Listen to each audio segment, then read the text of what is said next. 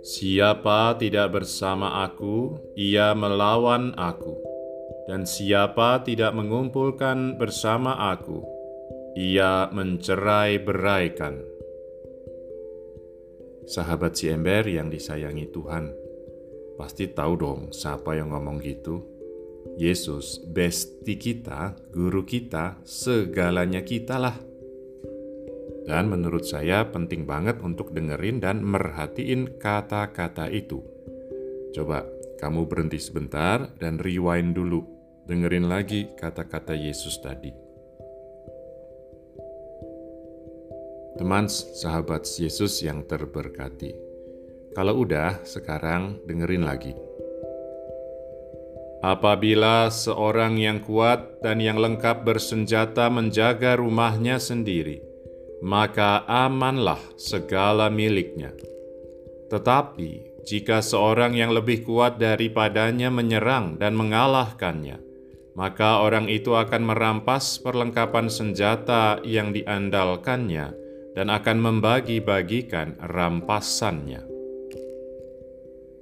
Teman-teman yang dikasihi Tuhan, kira-kira kamu termasuk orang yang kuat dan punya senjata lengkap nggak? Kira-kira kamu sekuat apa sih? Kira-kira bisa nggak kamu nggak sampai kerasukan setan terus jadi bisu atau malah teriak-teriak bikin ngeri? Kalaupun bisa nggak sampai kerasukan, kira-kira bisa nggak kalian selalu mendeteksi godaan lembut si setan dan lebih dari itu selalu menang melawan godaan itu? Sahabat kekasih Allah, kalau kalian belum bisa selalu kasih jawaban positif untuk semua pertanyaan tadi, ya jangan jauh-jauh dari Yesus.